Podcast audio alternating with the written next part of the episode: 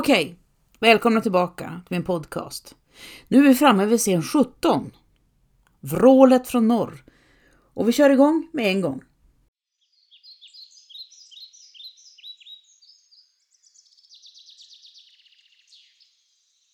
År 1600 bor 700 000 människor i Sverige och medellivslängden ligger runt 35 år. Jordelivet kan te sig tämligen onödigt. Hunger, kyla och plötslig obegriplig död.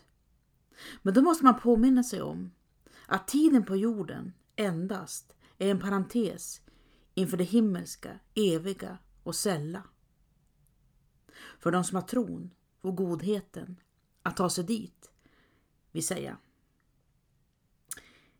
En värld utan Gud är otänkbar och världsordningen finns beskriven i Martin Luthers lilla katekes. All makt utgår från Gud.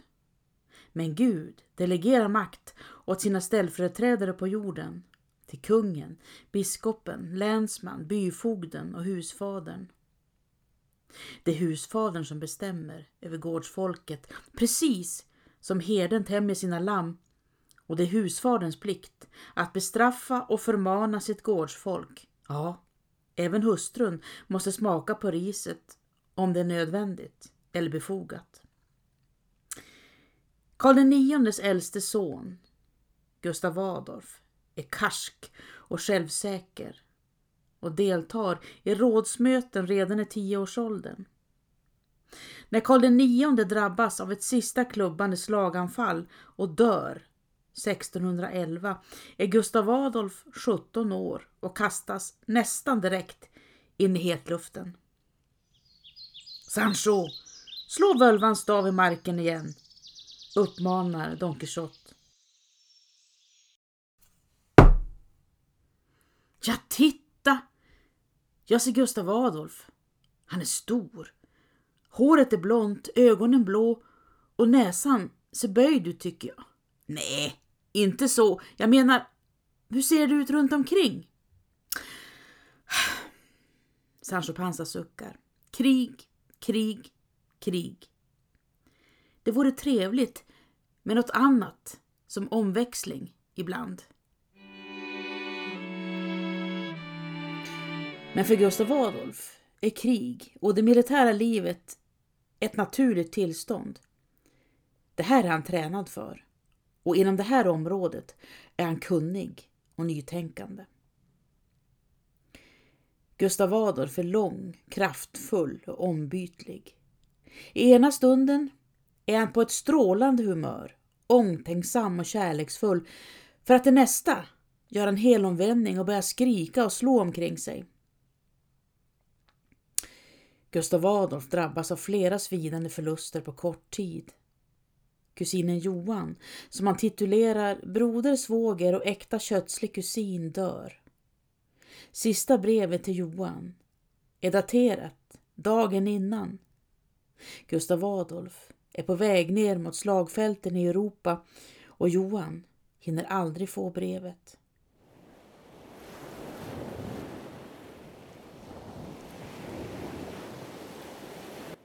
Gustav Adolf låter reformera skattesystemet och rättssystemet.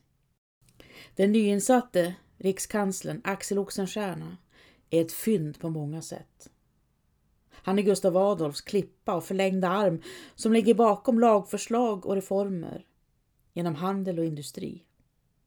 Det är i praktiken Axel Oxenstierna som regerar Sverige under Gustav Adolfs långa utlandsvistelser. Krigsmakten omorganiseras och genomgår ett stålbad från svag och utarmad till modern och kraftfull. En av Axel Oxenstiernas bekanta, företagaren och bergsmannen Louis de Geer påpekar möjligheterna för en svensk vapentillverkning och Gustav Adolf lyssnar intresserat. De två har en hel del gemensamt. Båda fattar snabba och handlingskraftiga beslut. Båda tycker mycket om vapen och inom en rimlig tid börjar vapenfabrikerna i Norrköping pumpa ut produkter. Vet du vad Gustav Adolf gör mer, Sancho? frågade Don Quixote. Nej. Han grundar städer. Ja, ja, just det. Umeå, Göteborg och... och... Sancho, det duger inte. Vet du hur många städer Gustav Adolf grundat? Nej. Gissa. Fyra. Nej, det är fel. 300. Nej, men 15. När Gustav Adolf grundar Umeå 1622 är det krig nere på kontinenten sedan fyra år tillbaka. Katoliker mot protestanter. Åh, så tröttsamt, suckar Sancho Panza. Man får lätt intrycket att religion ibland bara är ett svepskäl för att slåss. Det där hörde jag inte, svarar Don Quixote.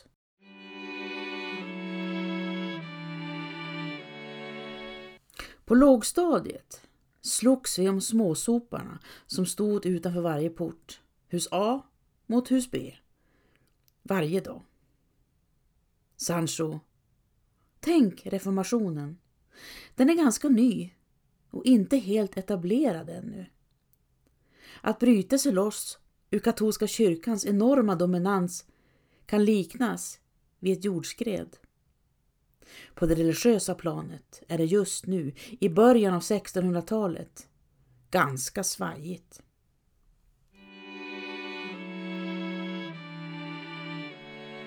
Sverige ligger i krig med Polen. Umeå socken är stor på ytan men glest befolkad.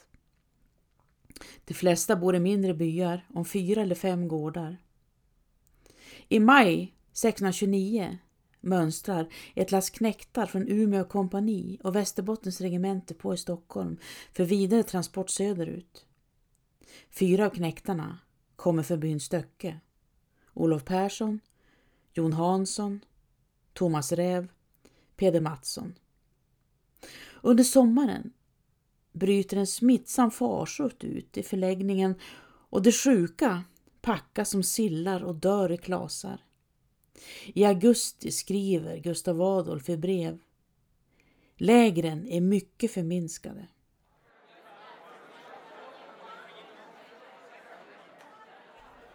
Det är svårt att föreställa sig stanken, kroppsvätskorna och de uppspärrade ögonen.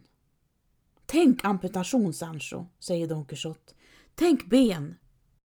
Helst inte, svarar Sancho Panza.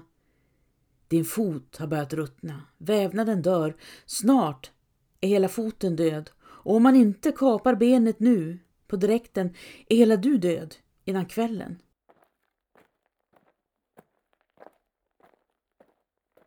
Don Quixote viftar med armarna. Febern stiger. I taket dansar småjävlarna. Stön och jämmer. Men inte från småjävlarna utan från de runt omkring dig som är lika sjuka som du. Shh! Hör du inte stegen?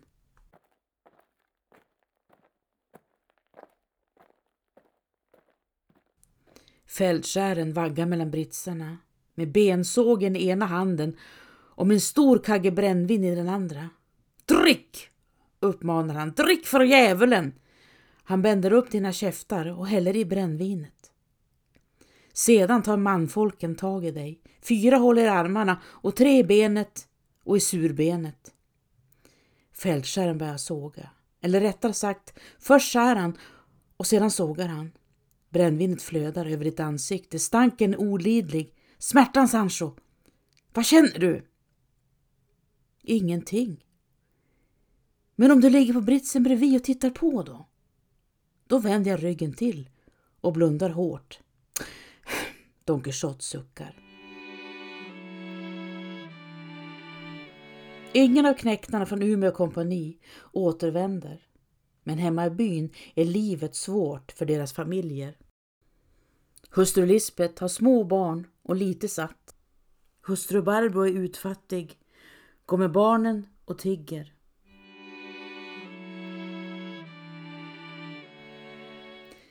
De katolska styrkorna vinner stora framgångar och segertåget drar allt längre norrut. Snart utgör fienden ett reellt hot mot Östersjön och Sverige träder in i storkriget på protestanternas sida. Prästerna i Sverige får i uppdrag att registrera samtliga soldatdugliga karar mellan 15 och 60 år som riskerar att skickas ut i kriget. Kvar i byarna går kvinnorna, barnen och de gamla gubbarna. Många fruktar kronans soldatvärvare och det händer att manfolk uteblir från gudstjänsten i kyrkan när det ryktas om att soldatvärvare finns i närheten. För vem ger sig frivilligt åt döden? Britta, Karins dotter vid Skuleskogen, har hört både det ena och det andra. Just idag har gårdens folk tagit sig över älven och bort till en björkdunge lugnt inne i skogen för att samla näver inför vintern. Timmarna går och jag håller marken näverfri kan man säga. Hittills har jag fyllt tre stora korgar. Vänta bara mor till ni får se. Jag känner på mig att kungens värvare snart dyker upp igen, ropar far vresigt. Snart duger väl alla pojkspolingar till knäktar. Lovisas vägerska börjar genast berätta om Svante Persson som aldrig kom längre än till Karlskrona och som inte hann fylla 15 år ens, pojkstackaren, innan han låg död och kall i kronans soldatkläder. Och vi nickar och hummar som om vi aldrig hört historien förut.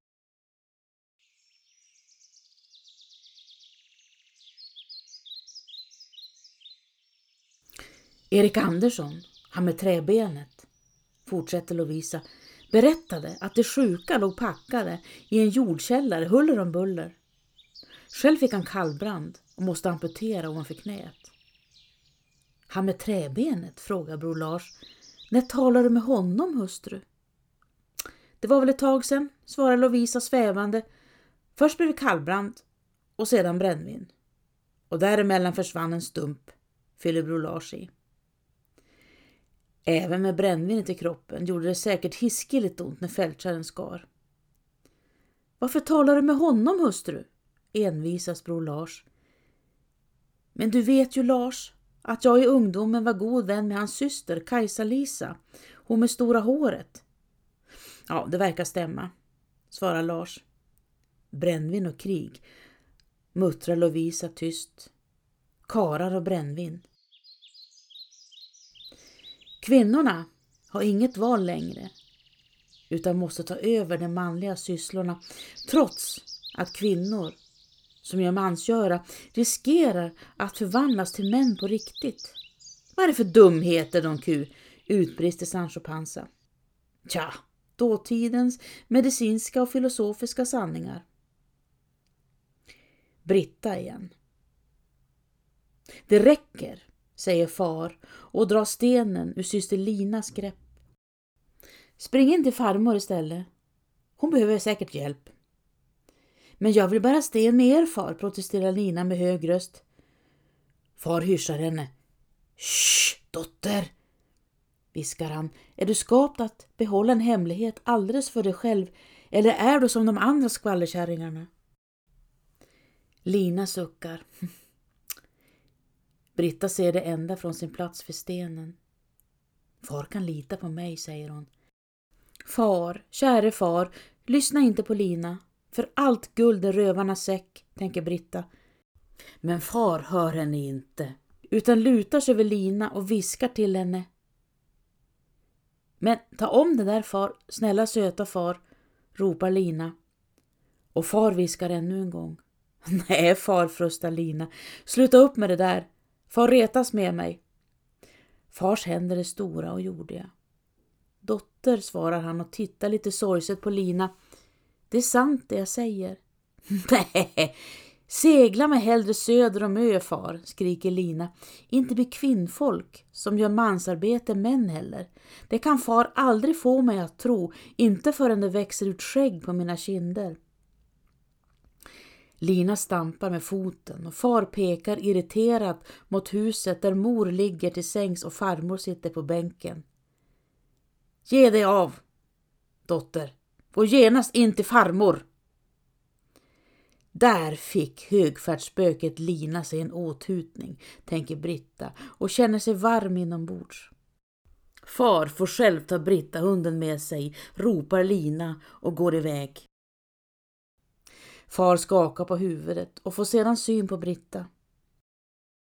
Det här ska du komma ihåg, så länge Gud låter dig leva. Vad ska jag komma ihåg far? vill Britta fråga, men vågar inte. Hon hörde bara enstaka ord av samtalet mellan far och Lina. Men inte kan väl far mena att Lina riskerar att förvandlas till en man av att bära lite sten? Nej, far.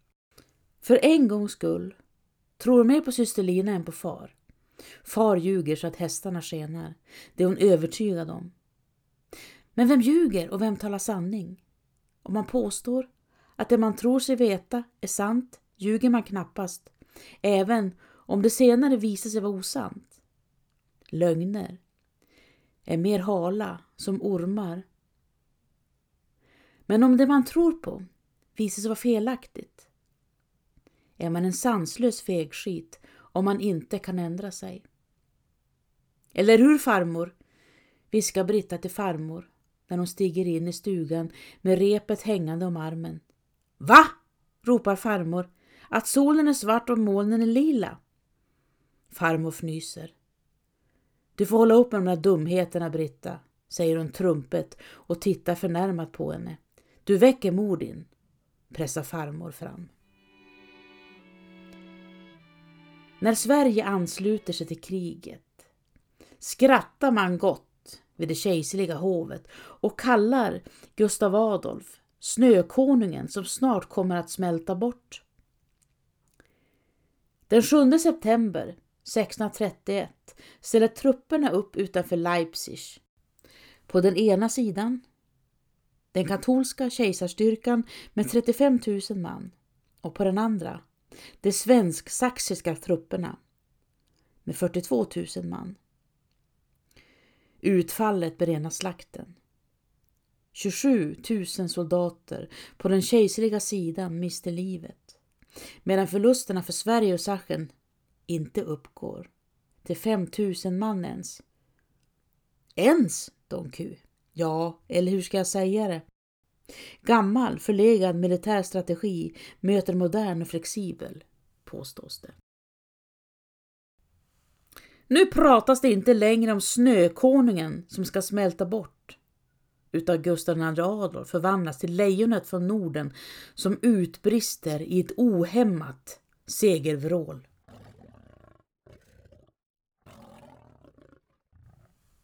Drygt ett år senare den 6 november 1632 möts styrkorna igen, den här gången utanför Lützen, sydväst om Leipzig.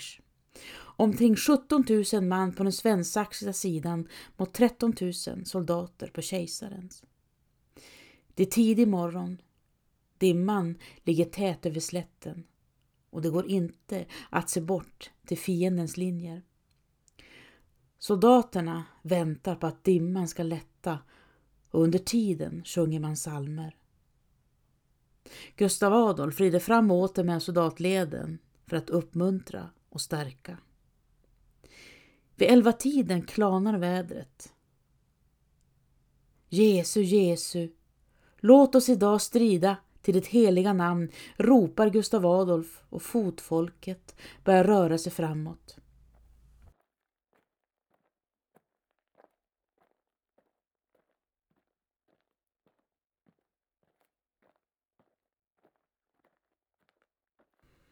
Angreppet sker med stor styrka.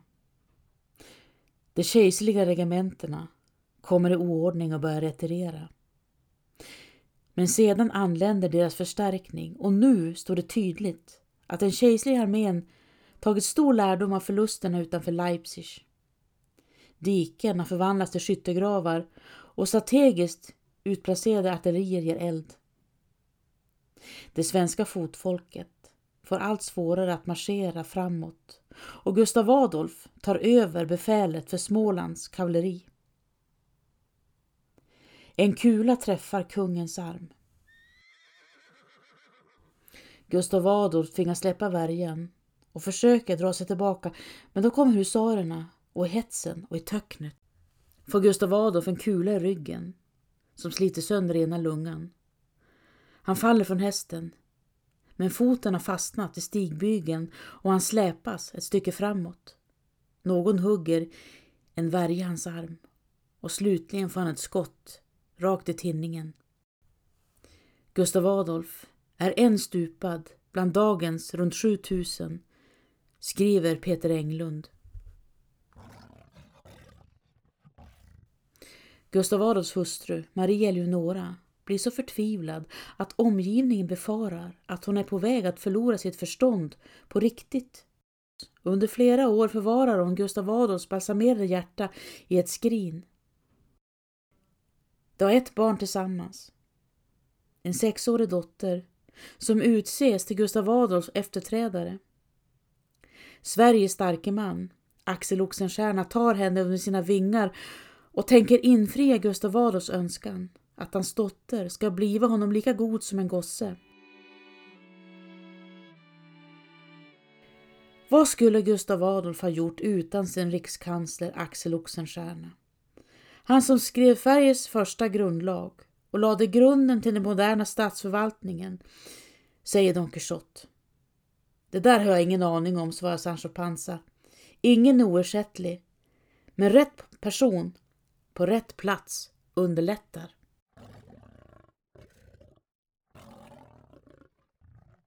Vad skulle Gustav Adolf ha gjort utan sin hustru, den vackra Maria Eleonora, som älskade honom så gränslöst? Det är enklare, svarar Sancho Panza. Han skulle ha gift sig med någon annan.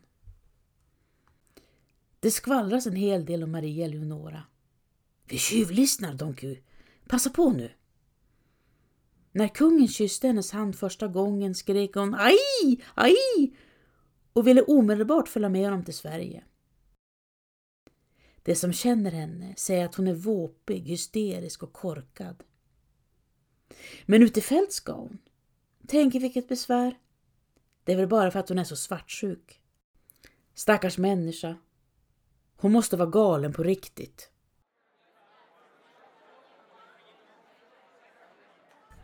Det var allt för idag. Tack för att ni lyssnat.